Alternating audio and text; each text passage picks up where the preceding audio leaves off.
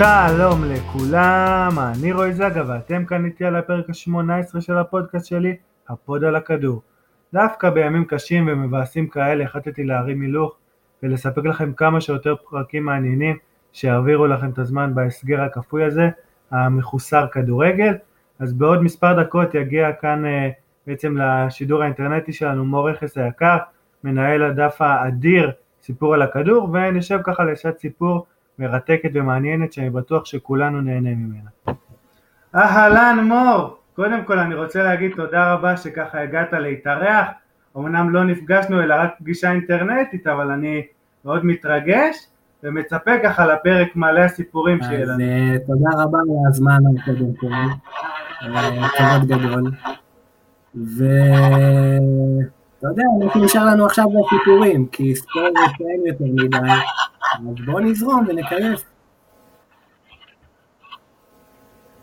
אני בטוח שאני אהנה כמו שכבר אמרתי לך כבר לפני, אבל לפני שככה נגיע לסיפורים אני רוצה לספר קצת ככה למאזינים שלנו, בכלל על העמוד גם, איך, איך הגיע הרעיון ככה לפתוח אותו, היום הוא כבר אחד העמודים בעיניי הכי טובים בפייסבוק בכלל, ככה בוא נשמע את הסיפור על סיפור, סיפור על הכדור. על סיפור על הכדור, זה סיפור די ארוך האמת. אני הרבה שנים עבדתי בתקשורת הספורט בישראל, עבדתי בוואן הרבה שנים, הייתי אחראי שם על כל מגזין הצבע, בסביבות 4-5 שנים, והיה מה שהיה, דרכנו נפרדו. התחלתי לרשום, לכתוב אה, בתור פרילנסר לספורט 5, לוואלה, ואיכשהו הרגשתי שמשהו חסר, שכל העניין של הסיפורים עצמם, פחות שמים אליהם דגש. ההנשמה והפיקנטריה די נשאבו החוצה. אז התחלתי ככה בקטנה לכתוב בפייסבוק שלי, בעמוד האישי, ולאט לאט ראיתי, ראיתי שזה צובר תאוצה, ובאמת שיש קהל, ופתחתי את העמוד, וברוך השם, אתה יודע, כשעושים דברים מהנשמה, אז גם הקהל מגיע, ואנשים שאוהבים את הדברים האלה מגיעים. וזה תפס תאוצה, ובאמת, אני, אני מבסוט מזה, אני חי על סיפורים. אני חייב להגיד, אני חייב להגיד, כמו שכבר אמרתי, שבעיניי זה באמת אחד העמודים היותר טובים, אני גם זכיתי ככה שיש לנו את השם הדומה, הפוד על הכדור, סיפור על הכדור, היה גם את החבר'ה בהתחלה שאמרו לי כל מיני כאלה כמו איך זה שיש שמות כל כך דומים והכל, אז אני תמיד הייתי אומר לכולם, זה זכות שלי שבכלל אנחנו חולקים ככה את הקטגוריה של השם, כי אני מאוד, אה, מאוד אוהב את התוכן שלך, כמו שאתה יודע. יודע. אה, השאלה הכי לפני שנתחיל, אין ספק, אני מסכים עם המשפט. אני אומר, השאלה הכי מתבקשת לפני שנתחיל עם הסיפורים זה איך עובר עליך הזמן ככה בתקופה הזאת עם הילדים, בלי הכדורגל, ספר לנו קצת על המאזינים. אפשר לשרוד בך בלי כדורגל? אני אגיד לך שלהבדיל מאנשים אחרים, אני... טוב לי בתקופה הזאת, טוב לי הזמן איכות עם הילדים, עם המשפחה, אתה יודע, זה משהו שהרבה זמן לא היה לי. ואם יש דבר אחד שבאמת חסר לי, שאני מרגיש אותו בנשמה, זה באמת הכדורגל. אתה מרגיש משהו בלב, בפנים, שחסר לך. אה, אבל מה אני אגיד לך, אתה יודע, יש אה, צרות אחרות בעולם, וכמו שאנצ'לוטי אמר, כדורגל זה הדבר הכי לא חשוב, אבל מהדברים הלא חשובים זה הדבר הכי חשוב. אז אה, נקווה שהדבר הלא חשוב הזה יחזור לנו במהרה, ונקווה שהחיים שלנו יחזרו למסלולם, וזהו, נקווה שיהיה טוב. בינתיים אני נהנה מהזמן איכות עם הילדים. האם למעשה התחלנו כבר בשיחה על הקורונה והכדורגל, יש לך כמה סיפורים אה, מאוד מעניינים שהכנת על בעצם איך הכדורגלנים והדמויות של העולם של הכדורגל ככה מתמודדות בתקופה הזאת. בוא נתחיל עם הסיפור שאני יכול להגיד שאותי הכי עניין עם, אה, עם חסוס קורונה, עם הפנדל של חסוס אה, קורונה. זה סיפור שלפני שנתחיל איתו, אז יש עוד חסוס קורונה, מנואל, חסוס מנואל קורונה, שכיום משחק בפורטו, ומסתבר שכבר לפני שנים במקסיקו, במקסיקו ניסו למגר את הקורונה, ולא בגלל נגיף חלילה, פשוט אה, בשנת 2010, בשנת 2010 קורונה באמת היה ילד הפלא של הכדורגל המקסיקני, ומונטריי בא להחתים אותו על חוזה גדול, כמו שנאמר, ורגע לפני החתימה הגיעו למסקנה ש, שיש בעיה. עכשיו, מה הייתה הבעיה? מונטריי, החברה שאימצה אותה זה המוקודוזומה ביר. זה קצת מפוצץ, אבל זה חברת אה, בירות מקסיקנית. ובעצם המתחרה שלה זה קורונה, שכולנו מכירים. והיה להם סעיף בחוזה שאסור להם להשתמש, שאסור לקורונה לשחק עם השם שלו, ובעצם גם המציאו לו שם חדש על כינוי של הבירה המתחרה, וגם היה אסור לו, על השדרים היה אסור לו להגיד את השם שלו, זה היה משהו מפוצץ. וכבר מאז בעצם התחילו עם מיגור הקורונה, בלי שידעו בכלל מה ימים יביאו. ואם כבר... היום קוראים אפליקטיב, כן, נכון? משהו כזה. על שם הבירה, על שם הבירה טקאטה. השם של הבירה טקאטה, ולא קראו אה, טקטיטו, משהו כזה. אה, ואם כבר אנחנו במקסיקו, אז גם באמת קורד הסיום בליגה המקסיקנית, זה היה משחק אה, של, אה, של קרוז אזול נגד אמריקה, ובתוספת הזמן היה פנדל לאמריקה, ובעטו, ושוער בשם קורונה הציל את הפנדל, ובעצם סגר את הליגה המקסיקנית. אז זה די אבסורד. אבל כמו שאמרנו כמה פעמים, בואו נקווה שהחיים יחזרו למסלולם. ועוד סיפור שככה מעניין אותי אפילו יותר, זה לא סיפור, זה יותר התמונה הזאת של, של ונדר סאר שהעלית, המדהימה, שככה אני מציע לכולם ללכת לראות, איך שהוא בעצם ככה לובש את המדים, כפיג'מה שלו בעצם, עוד כמה מילים על זה שאולי אני אה, פספסתי? לא, האמת שהתמונה הזו היא, אתה יודע, זה מהתמונות האלה שעושות אה, טוב בנשמה. כי אתה יודע, הרבה, הרבה כדורגלנים, ואין מה לעשות, כולנו ניזונים מהרשתות החברתיות, וכולם מפרסמים את החיים הטובים, ואת, ה, ואת הווילות, ואת האחוזות, ופתאום בא ונדרסר שבאמת הרצתי אותו כל הילדות, גם בתקופה באייקס וגם במנצ'סטר. וזו תמונה ש, שכאילו מראה לנו, בסופו של דבר כולנו באותה סירה, הוא יושב עם העפודת שוער האגדית שהוא לקח איתה את הצ'מפיונס אי שם בתחילת שנות התשעים. וזה כיף לראות את זה, תמונה אותנטית, תמונה שבאמת מראה לנו שכולנו ביחד. וכן, כיף, כן, בדיוק. תמונה שווה אלף מילים, זה בדיוק זה כן. באמת. ואני רוצה להגיד שזה בעיניי באמת הקטע שהכי מתאר בכלל את העמוד שלך ואת כל מה שאתה עושה, שיש את הפוסטים הארוכים עם המילים שגם כן מאוד מרגשים, אבל לפעמים אתה מוצא את הדברים האלה הקטנים, שככה עושים את הרשרוש הזה בלב, מזכירים כמה אנחנו אוהבים את הכדורגל הזה באמת.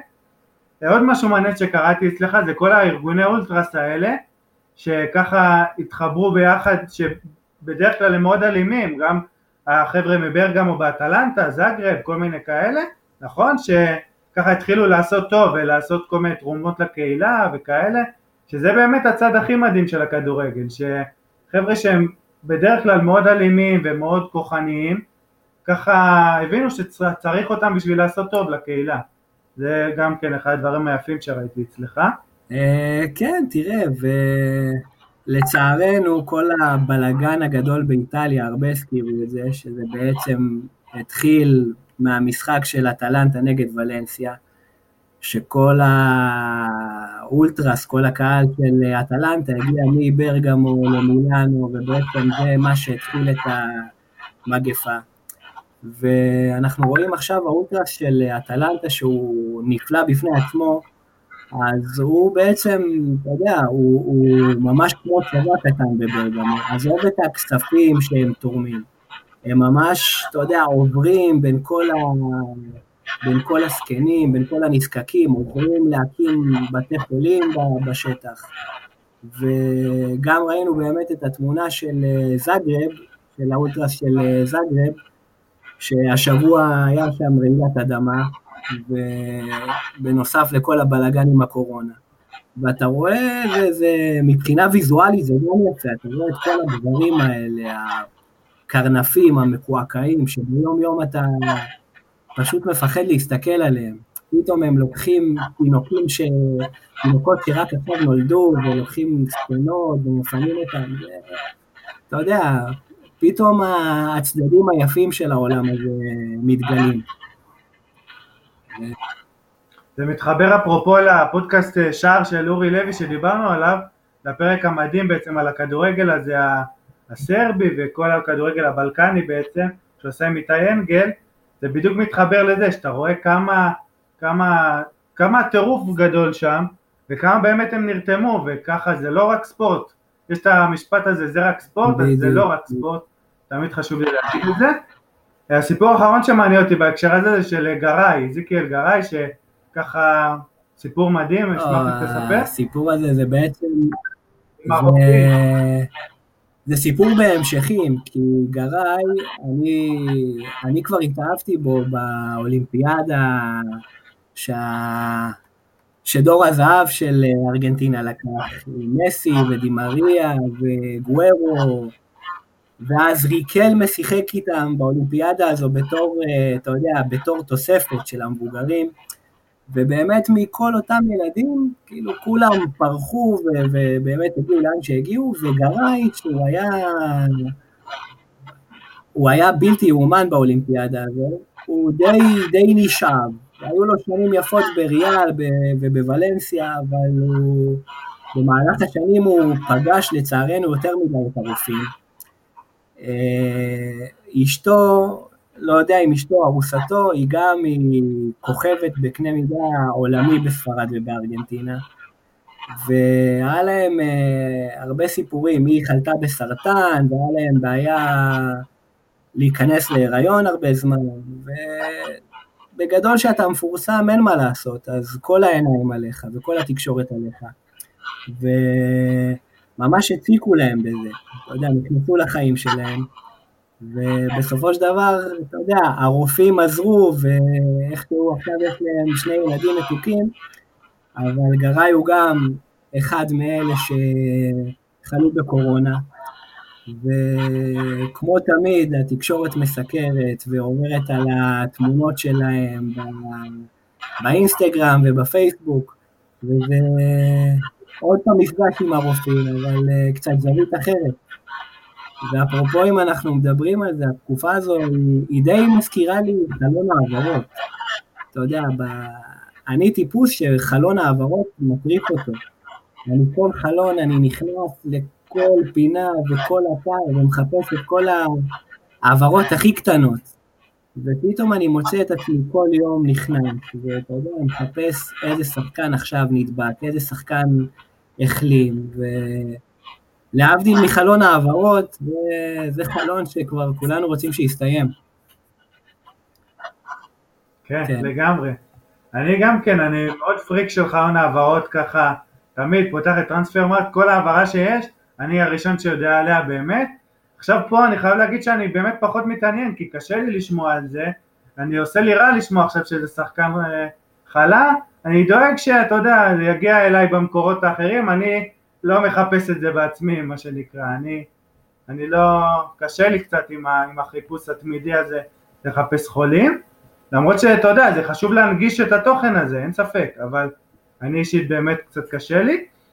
לפני שככה נחזור אחורה בעצם גם כן, ל-1 באפריל והסיפור המדהים של סיידורף שמאוד אהבתי, אני רוצה ככה לדבר ולפרגן לך על הפינה בערוץ הספורט בעצם, שעכשיו קצת נקטעה כנראה בגלל המצב, אבל הפינה המדהימה, אני יכול להגיד שאני ישבתי ככה במחצית, ראיתי סיפור על הכדור, הפינה, אמרתי מה, מה הסיכויים, חשבתי שגנבו לך את השם או משהו, נראה גם שלחתי לך את ההודעה כזאת, אני די בטוח, אז אמרתי, לא. אמרתי, הגיוני שזה דומה, כן? זה בדיוק הסיפורים שלך, אמרתי, מדהים, פשוט מדהים שככה, אתה רוצה לספר על זה קצת, על החוויה?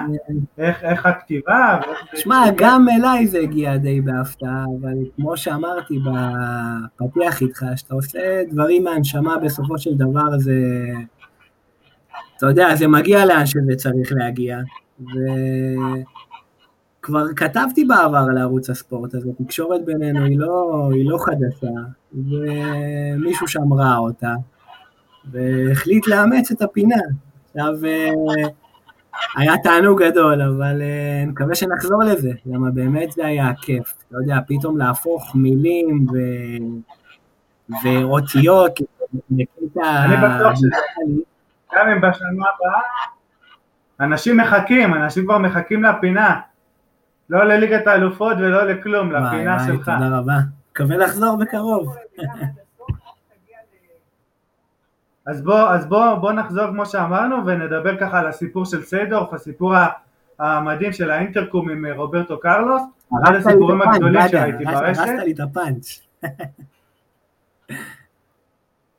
ספר, ספר. טוב, אז כמו ש... למרות שה... הכל טוב, הכל טוב. אה, אתה יודע, אחד באפריל אין מה לעשות, זה יום המתיחות הבינלאומי, אבל זה גם היום אה, יום הולדת של סיידורף. וסיידורף, אתה יודע, כולנו זוכרים אותו בתור ה... הטנק הזה באמצע, הכריזמטי, ואיכשהו תמיד הצטיירה לו הדמות של שחקן מאוד, אתה יודע, קילר כזה, ורציני, ו... כן, ותמיד, כן. כל השחקנים ששיחקו איתו, גם אם זה באייקס, וגם אם זה בריאל, וגם אם זה כמובן במילאן, אז כולם אמרו שהוא סוג של מאמן על המגרש, הוא כריזמטי והוא רציני ברמות הכי גבוהות. והסיפור הזה שנחשפנו אליו, באמת אתמול לסיידורף הייתה יום הולדת, ב-1 באפריל, יום המתיחות הבינלאומי, ומסתבר שהוא היה ליצן לא קטן. אה, הוא ורוברטו קרלוס, בתקופה שהם שיחקו בריאל מדריד, אז הם היו גרים באותו בניין. והם היו נוהגים למתוח אחד את השני, אם זה לכבות את המים במקלחת, וכל מיני מתיחות כאלה של ילדים קטנים. אז באחת המתיחות האלה, אה, באמת הם אה, החליטו לאחד כוחות ושיתפו פעולה, וירדו לאינטרקום של הבניין.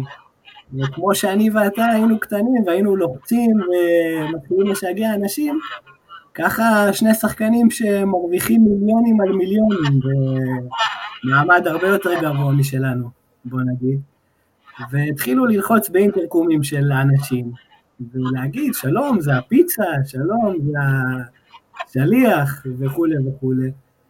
ובאחת הפעמים הזה פתאום הם קולטים שילד ובן, ילד ואבא, סליחה, מגיעים מולם ומסתכלים עליהם. והילד לא, לא מבין ששני האלילים שלו מולו. אז הילד, בוא נגיד, לא ייחס חשיבות, אבל פתאום האבא מסתכל עליהם במבט כזה מאוכזב. וזה סיפור קטן ויפה, שמראה לנו שגם הגדולים שבגדולים הם אה, עדיין נשארים ילדים קטנים. וזה נחמד.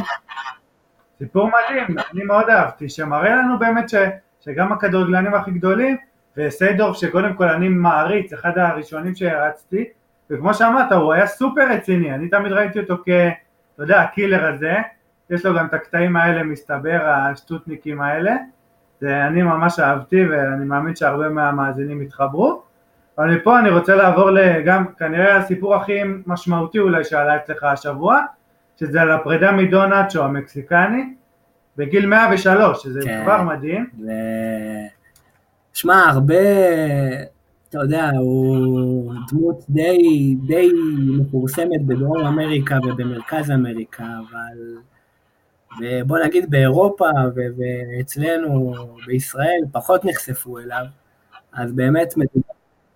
אני לא הכרתי, אני חייב להודות שלא הכרתי את השם. אני הכרתי, אבל לא, לא הייתי מודע לכל הסיפורים ולכל המורקים עליו.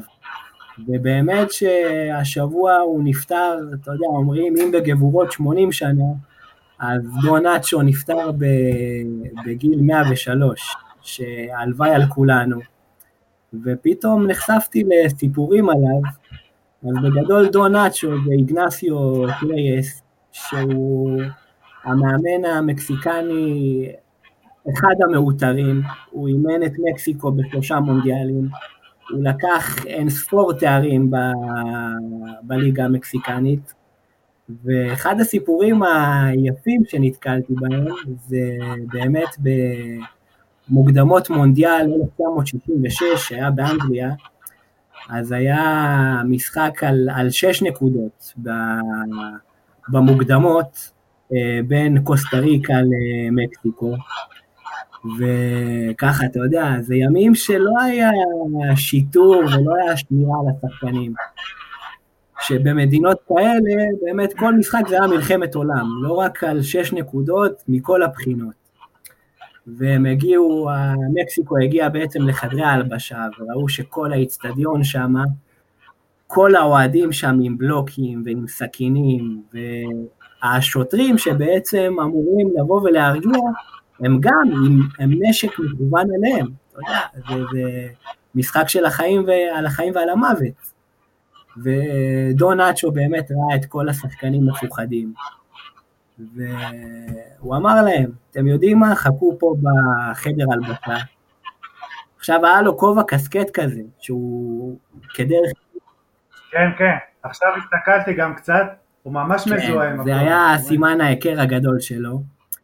והוא אומר, תירגעו קצת, אני הולך לעשות uh, סיבוב, לנשום אוויר. ופתאום הוא מוריד את הכובע קסקט, הסימן היכר שלו, ואחד מהעוזרים שלו מביא לו קסדה, קסדה של אשכרה קרב.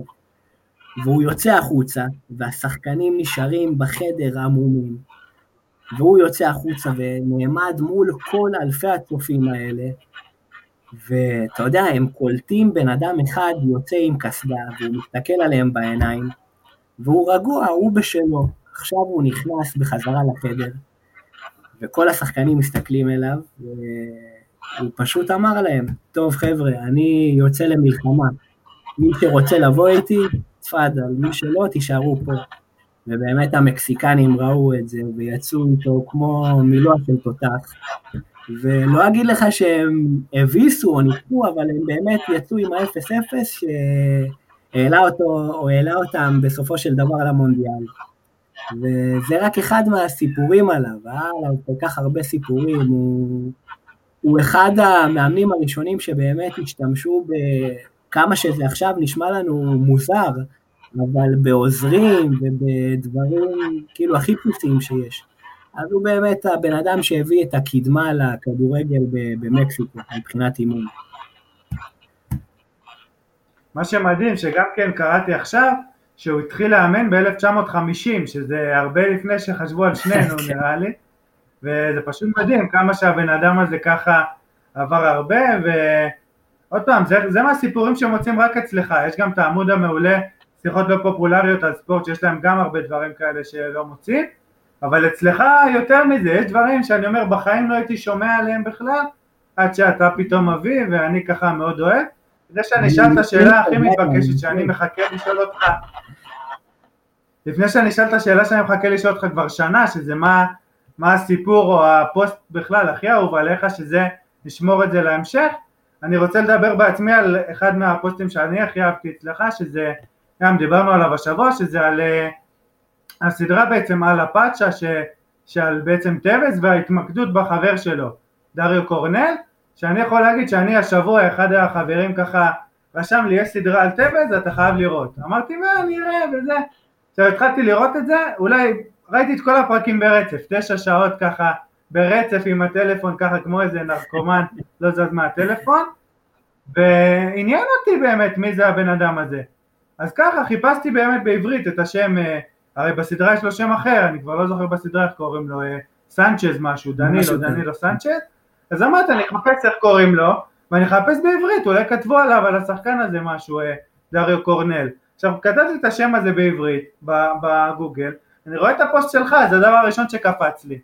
וגם כל אמרתי אני אשתף, כי חייבים, וככה מי שרוצה לראות יכול להיכנס גם לעמוד אצלי כי זה שותף השבוע, או לכתוב בגוגל ולקרוא את הפוסט המלא, אבל בקצרה אני אספר ש... לפני הכל חייבים לראות את הסדרה, כן, והסיפור שם מומחש די ברור, אבל זה בן אדם גם טוויז אמר עליו בעצמו שהוא כנראה כוכב אפילו יותר כן. גדול ממנו היה יכול להיות, אם לא כל העניינים, ה, בעצם הפשע והפוליטיקות האלה הפנימיות שם בשכונות העוני, וזה עוד פעם, זה סיפור מדהים בעיניי, עוד, עוד לפני שראיתי את הסדרה וגם אחרי, כי בכל זאת סדרות יש להם קטע שהן ממחישות לך דברים ככה בצורה יותר ברורה, שאתה יודע, אנשים, רוב הכדורגלנים שאנחנו הכי אוהבים, גדלו בשכונות הכי קשות. חוץ מקקה האמת שהוא אחד האהובים עליי, אבל הוא באמת יוצא דופן. אבל אה, זה מדהים כמה כדורגלנים הפסדנו שחושבים על זה, זה, זה הנקודה שהציף לי אה. הסיפור הזה. אם טוויז אומר עליו, הוא היה כל כך הרבה יותר גדול ממני, ואיבדנו אותו, אז תחשוב כמה עוד איבדנו. אז אם זה הסיפורים שאתה אוהב, אז בוא נחכה לסוף ה pod, כי אתה יודע, אחרי, מאחורי כל כך הרבה סיפורי סינדרלה, תמיד יש את הלכלוכית שנשארת מאחור. והשבוע, לצערנו, בארגנטינה כתבו עוד פרק על uh, הלכלוכית הבלתי נגמרת של השנים האחרונות, אבל נגיע לזה כבר. אז uh, אני רוצה לדבר על, uh, גם עלה פוסט מעניין השבוע על פרננדו גגו, שגם כן שחקן שאני מאוד אהבתי עם הטרגדיה כן. שלו. גגו, שמע, זה טרגדיה בפני עצמה, אני יצא לי לראות אותו באחד, במשחק האחרון שלו בבוקה, באמת זה היה הגמר ליברטדורס בין בוקה לריבר, ואתה יודע, ראיתי אותו בהרבה פציעות, ראיתי אותו במשחק עלייה למונדיאל, אז מול פרו, שהוא התחיל לקלל ולהשתולל, וכשראיתי אותו בברנבאו, אז כאילו אמרתי די, כאילו לא, לא, לא הייתי צריך לחכות להבחנה של רופא, ראיתי אותו יוצא, וכבר אפילו לא היה לו כוח לבכות, הוא פשוט יצא, ואמרתי לחבר שישב איתי שם, זהו, נגמר הסיפור שלו, וגגו, כנגד כל הסיכויים הוא חזר, עכשיו בוקה לא רצו אותו, הוא חזר לבלז, ולצערנו גם לפני חודש, חודשיים הוא עוד פעם נפצע, וכבר אי אפשר לדעת אם השחקן הזה, אם הוא יחזור, כל כך הרבה פציעות של צלבת וגיד אכילס, שזה לא, זה לא יום-יומיים. אה, אני לא מאמין שהוא יחזור מהפציעה הזאת, אבל איתו באמת אי אפשר לדעת. אה, אה, אני חייב להגיד עוד, עוד משהו קטן, דיברת ככה על היריבות בין בוקה לריבר, זה שוב מתקשר לי לסיפור עם הסדרה, הסדרה על תבל, שגם שם אתה רואה, פחות מדברים על ריבר, אבל הם מדברים שם כמה הכדורגל חשוב להם, וזה החזיר אותי שוב, זה הסיפורים שאני הכי אוהב באמת, הכדורגל הזה הדרום אמריקאי, שגם אתה כותב עליו המון, שבעצם הסופר קלאסיקו המטורף בגמר שהיה בשנה שעברה, שמרגיש לפני כן. שנים כבר, אחרי כל הקורונה הזאתי, אבל אני אז הרבה חקרתי על, ה, על הדרמה הזאת, המשחק שבעיניהם זה חיים או מוות כמו שהם אומרים ועוד פעם, אז בסדרה הזאת אתה רואה כמה הם מדברים על בוקה שזה החיים של כולם שם וזה תמיד מדהים אותי מחדש לקרוא את זה, אז עכשיו אה, אני רוצה להקריא בעצמי ככה איזה פוסט שלך גם כן שחיכיתי לנקודה הזאת בפרק, הפוסט שאני הכי אהבתי כנראה, לא יודע אם כנראה שהיו עוד, אבל זה מה שהכי זכור לי, על, אה, על ג'לסון הברזילאי ש, שרץ לאימונים, אה, בקצרה אני אקריא שהוא, אה, שהוא אומר אנחנו גרים בכפר בלי יותר מדי מקורות הכנסה. אני כותב בסביבות אלפיים קוקוסים ביום כדי להתפרנס. אבל אין תלונות העיקר שיהיה מה לאכול הוא אומר. אז הוא מספר שה, שהכפר שלו 12 קילומטר מה, מהאיצטדיון שבו הוא מתאמן, מהמגרש אימונים. אז הוא רץ כל יום מהכפר עד למגרש אימונים וכתבת את זה מאוד מרגש גם, הוא רץ ורודף אחרי החלום בעצם, אז כל יום הוא חולף על עצי הקוקוס, ש, שבהם הוא עובד וכותב אמרנו אלפיים כל יום שזה מספר פסיכי, בדרך למגרש, ואז ה, מה, מה שהגולת הכותרת זה שמי ששמע על זה זה כן. קסמירו, שהוא, גם דיברנו על, על סיידור שהוא כל כך רציני וזה, קסמירו, מי חשב שהוא רגיש וככה מתעניין וכאלה דברים, אתה שומע שהוא שמע על הסיפור ושלח לו חולצה חתומה, כתב לא משנה כמה קילומטרים תצטרך לרוץ, תעצור רק פעם אחת שתגשים את החלום, ככה על חולצה חתומה, זה סיפור שבעיניי עוד פעם מאגד את כל מה שיפה בספורט הזה, גם ילד ש... אפשר לדעת כמה רחוק הוא יגיע אם בכלל, אבל כמה שהוא רוצה את זה זה מדהים, וקסמירו אתה יודע אני מת על החיבורים האלה של שחקן ענק שהיום הוא כנראה אחד הברזילאים הכי גדולים, בטח היום, בעיניי אפילו בהיסטוריה שלי. אחד הלא מוערכים, אחד האנדרייטים הגדולים שלי.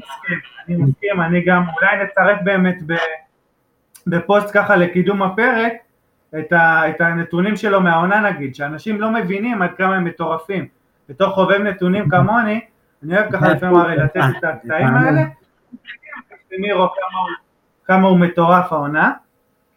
אה, עוד איזה סיפור ככה מעניין שיש לך, כי אני, יש לי עוד כמה מהעמוד שלך, ואני רוצה לשמוע ממך עוד משהו ככה ש... שאתה רוצה לספר עליו לפני הסיפור הכי מרגש. Uh, הסיפור הכי מרגש מאיזה בחינה? שלי, שהכי נהניתי לכתוב? Uh, מה שהכי נהנית לכתוב זה, אני גם, אפשר גם להפריד את זה, כן, קודם כל מה הכי נהנית לכתוב, זה זו שאלה ככה שהכנסת בעצמך, אבל היא נהדרת, האמת. אתה יודע, כולם היו בניי, אבל uh, כל פוסט אני מרגיש שאם uh, משהו שאני לא מתחבר אליו מבחינת הנשמה, אז אני לא מסוגל לכתוב. Uh, קשה לי לכתוב על דברים שאתה יודע, שזה לא, לא מרגיש אותם עמוק בפנים. האמת שדיברת על זה כבר, אבל טווס זה... אני כתבתי על הסיפור הזה כבר לפני לפני שנתיים אני חושב. וזה סיפור שבאמת כאילו כתבתי אותו ואני חושב, אני חושב כאילו איך לא עשו על זה סדרה, איך לא... ומסתבר שאתה יודע, שכבר עשו על זה סדרה. ולמרות שהסדרה די שונה מהסיפור האמיתי, זה סיפור שנתקלתי בו, ואשכרה תוך כדי שאני כותב, אני תופס את הראש ואני אומר איך יש דברים כאלה. אה, אבל יש הרבה, הרבה סיפורים. אני בתור חובב כדורגל איטלקי, ואתה יודע, גם באיטליה, לא רק בדרום אמריקה, גודלים ה... הילדים מהאשפתות. זה, זה הסיפורים שאני בעיקר אוהב, הסיפורי סינדרלה. אה, לא יודע אני חייב להגיד, אני, אני מתעכב הרבה על זה שככה ת, ת, תספר את הסיפורים שלך שעולים בעמוד, כי ככה אני עכשיו אה, יוצא לי ככה, תוך כדי אני מדפדף ככה בפייסבוק שלי ואני רואה כמה, יש הרי את הקטגוריה הזאת של השמורים של הפייסבוק, שאתה יכול לראות מה שאמרת, יש לי שם אולי 30 פוסטים שלך ככה של העמוד, שתמיד אני מחכה ככה, גם מראה לחברים, גם אתה יודע, אז שמרתי אותם בדיוק ל, לרגע הנכון, אז uh, ככה יש לי פה כמה דברים שאני ככה אקריא בקצרה ועוד פעם, אני, הנקודה הכי חשובה שלי שאתם מסיימים להאזין או אפילו תוך כדי, קודם כל אם איכשהו אנשים שומעים את זה ועוד לא עוקבים אחריך זה בעיניי פשלה רצינית, אבל גם זה איכשהו קרה קודם כל רבה. אבל יש שם, תראה, יש סיפורים, במקרה יש לי פה נגיד את, ה, את הנעליים המדהימות של מקסי גומז, זה עלה לפני חודשיים בערך לדעתי, ככה עם, אה, עם כל מיני עיטורים של, גם של עצמו ושל אה, ניואלס בעצם. שחקן כל כך מרגש, אה, מקסי רודריגז כמובן, אחד המרגשים ש, שזכורים לי. אחד הווינרים הגדולים של ארגנטינה בכל הזמנים. יש פה כל כך הרבה דברים, יש לי את הסיפור על, טוב זה סיפור שכולם מכירים, אבל דיברנו על טוויז, זה הסיפור כנראה הכי אהוב עליי שעלה אצלך, אבל אני בטוח שהרוב שמעו, הסיפור עם קריסטיאנו כן. וטוויז, שהוא, שטוויז מספר אה, כמה קריסטיאנו רצה כל יום, אה, כמה בעצם קריסטיאנו מגיע כל יום uh, מוקדם לאימון, אז טוויז אמר, טוב, אני אגיע לפניו פעם אחת. הגיע בשש בבוקר וראה אותו כבר שם, את קריסטיאנו, שזה עוד פעם, סיפורים קטנים כאלה, אבל זה התמצית של כל מה שאנחנו כן, אוהבים בספורט. כל כך הרבה סיפורים כאלה קריסטיאנו, שזה כל פעם מהמם מחדש כמה הוא מקצוען. כן, רונלדו, האמת, אתמול במקרה דיברתי את זה עם אמא שלי, אני חייב לספר ככה, ישבנו והתלהבנו. ככה ממחוזות שהם לא שלנו, אבל מדני אבדיה, ככה ישראלי, שאיך הוא מגיע ככה, אמור להגיע רחוק ול-NBA והכל, ואז אמרתי לה, יש לו הרבה כישרון, הוא מזכיר לי, ככה אמרתי לה, כמובן אה, יחי ההבדל, אבל שהוא מזכיר לי את מסי דווקא, שיש לו הרבה כישרון והוא לא עובד מאוד קשה, ככה זה נראה לפחות, לא, כמו שמסי כמובן גם עובד קשה, אבל לא, רוב ה... רוב המתנה שלו זה הכישרון. מסי זה מתנה אלוהית. אמרתי לה, אז אמרתי לה לאמא שלי שרונלדו, אם, אם נדבר על כישרון נטו, וזה כנראה הסיפור של החיים של כולנו. אם נדבר על כישרון נטו, כנראה שרונלדו הוא לא יותר מנעימר או עדן עזר או... פה המון שמות שאלו אצלך גם שמות בעבר, סתם עכשיו ראיתי על בטיגול, שמבחינת כישרון הוא היה כנראה אחד הגדולים, אם לא, אתה יודע, כל מיני כאלה, קרספו, כל מיני כאלה שמות סתם עולים לי עכשיו ארגנטינאים, יש המון, אה, פיגו, זביו, כל מיני כאלה סתם, חושב על ארגנטינאים ופורטוגלים. אבל העבודה הקשה של קריסטיאנו עושה אותו, מביאה אותו לרמה שהוא מדרגה אחת פחות מכנראה הכדורגלן הכי כישרוני בכל הזמנים, לפחות בעיניי, ליאו מסי, וזה מדהים, ואתה יודע, כל פעם אתה רואה את הסיפורים האלה על... אה, יש את, את הסיפור הזה על כמה שהוא, לדעתי גם זה הסיפור עם טוויז, ש, שבא אליו הביתה ואמר לו, טוב בוא נשב נשחק רגע באקסבוקס, אם אני לא טועה, זה גם. לא, בוא נשחק רגע. אברה גם יש... אברה, נכון, נכון. ככה כולם מיונייטד זכורים לי, נכון, אברה. שישב אצלו, ישבו, אמר לו בוא נשחק רגע באקסבוקס והכל, ולא זוכר עוד מה היה אז, אולי סוני. הוא אמר לו לא, עכשיו זה זמן להתאמן. גרר אותו לאיזה שלוש שעות של אימונים, אמר לו טוב אז בוא נאכל אחרי זה איזה junk food, איזה פיצה טובה, משהו, לא, עושה לו שייקים. סלט וחלקי. סיפור מדהים, עוד פעם, רונלדו זה כנראה מבחינת סיפורים כאלה, יש עליו אין ספור סיפורים, אבל אה, בכל מקרה, כמו שאמרתי, יש המון סיפורים אצלך, אני לא רוצה ככה לספר את כולם, שאנשים ככה ייכנסו בעצמם ויקראו, כי יש גם הבדל אחרי הכל בסיפורים האלה, שאתה יודע, בקריאה יש איזה נופח כזה נוסף שככה מקבלים, ואני רוצה לפני שאנחנו מתחילים לסיים, אה, כמו שאמרתי, שתן לי את הסיפור הכי מרגש שלך, הסיפור שאתה אומר, זה הסיפור שמאפיין ככה את הדף שלי, את כל התקופה הזאת, שאמרת בהתחלה ככה בטיזר שזה משהו שקרה אה, השבוע. אוקיי, אז באמת אה, יצא לנו לדבר בשיחה הזו על סיפורי סינדרלה ועל קרליטוס, אז השבוע בארגנטינה אה, הלכה לעולמה חברה, הבת זוג של, אה, של אה, מחילה ברח לי השם, של ריקי סנטוריון. עכשיו, סנטוריון, מי שלא יודע, הוא אחד השחקנים הארגנטינאים הכי, הכי מוכשרים, לפחות בעשור האחרון. וגם הוא הגיע בדיוק כמו מספרי עשר אחרים שגדלו מהשפעתו, כמו דבס, כמו ריקלמה, כמו מרדונה, הוא הגיע מאותו רקע. ואיכשהו, אתה יודע, עם כל הסיפורי סינדרלה, הוא נשאר באמת על גדר לכלוכית. והוא גדל באבז'נדה, באחת השכונות הקשות, וכבר בגיל חמש אה, אבא שלו עבד במפעל של זיקוקים ונשרף למוות, בגדול המסלול של החיים שלו לא הלך בכיוון הנכון, ומי שהצילה אותו בעצם זה סבתא שלו, שלקחה אותו בידיים ולקחה אותו לאימון של אה, ראסינג, ובעצם הצילה לו את החיים, הוא כבר בגיל 15 התחיל לשחק בראסינג, והסיפורים עליו שאתה יודע, הוא בגיל ממש מוקדם כבר כבש את הניצחון של ראסינג אחרי הרבה שנים, והוא מספר שאתה יודע, בתור ילד, שחקן שכובש שער ניצחון, הוא מסיים את המשחק והוא הולך והוא עושה פייסלים עם החברים בספינה.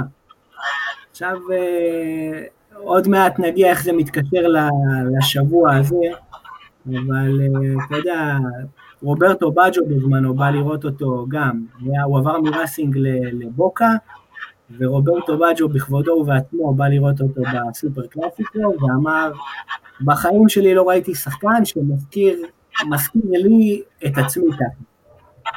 אז תבין לאיזה איזה, איזה פוטנציאל יש לשחקן הזה.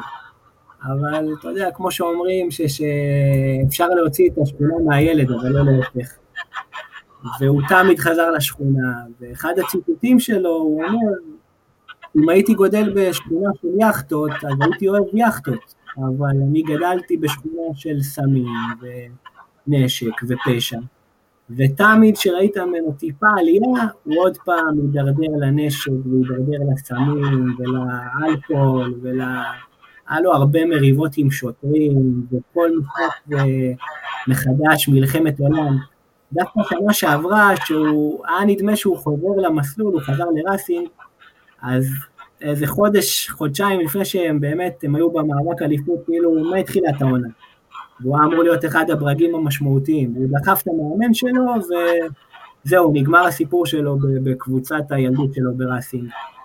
ולצערנו החודש גם סבתא שלו, זו שבעצם הצילה אותו והכניסה אותו לכדורגל, אז uh, הלכה לעולמה. Uh, והשבוע, כמו כולנו, uh, הוא וחברה שלו היו בבידוד.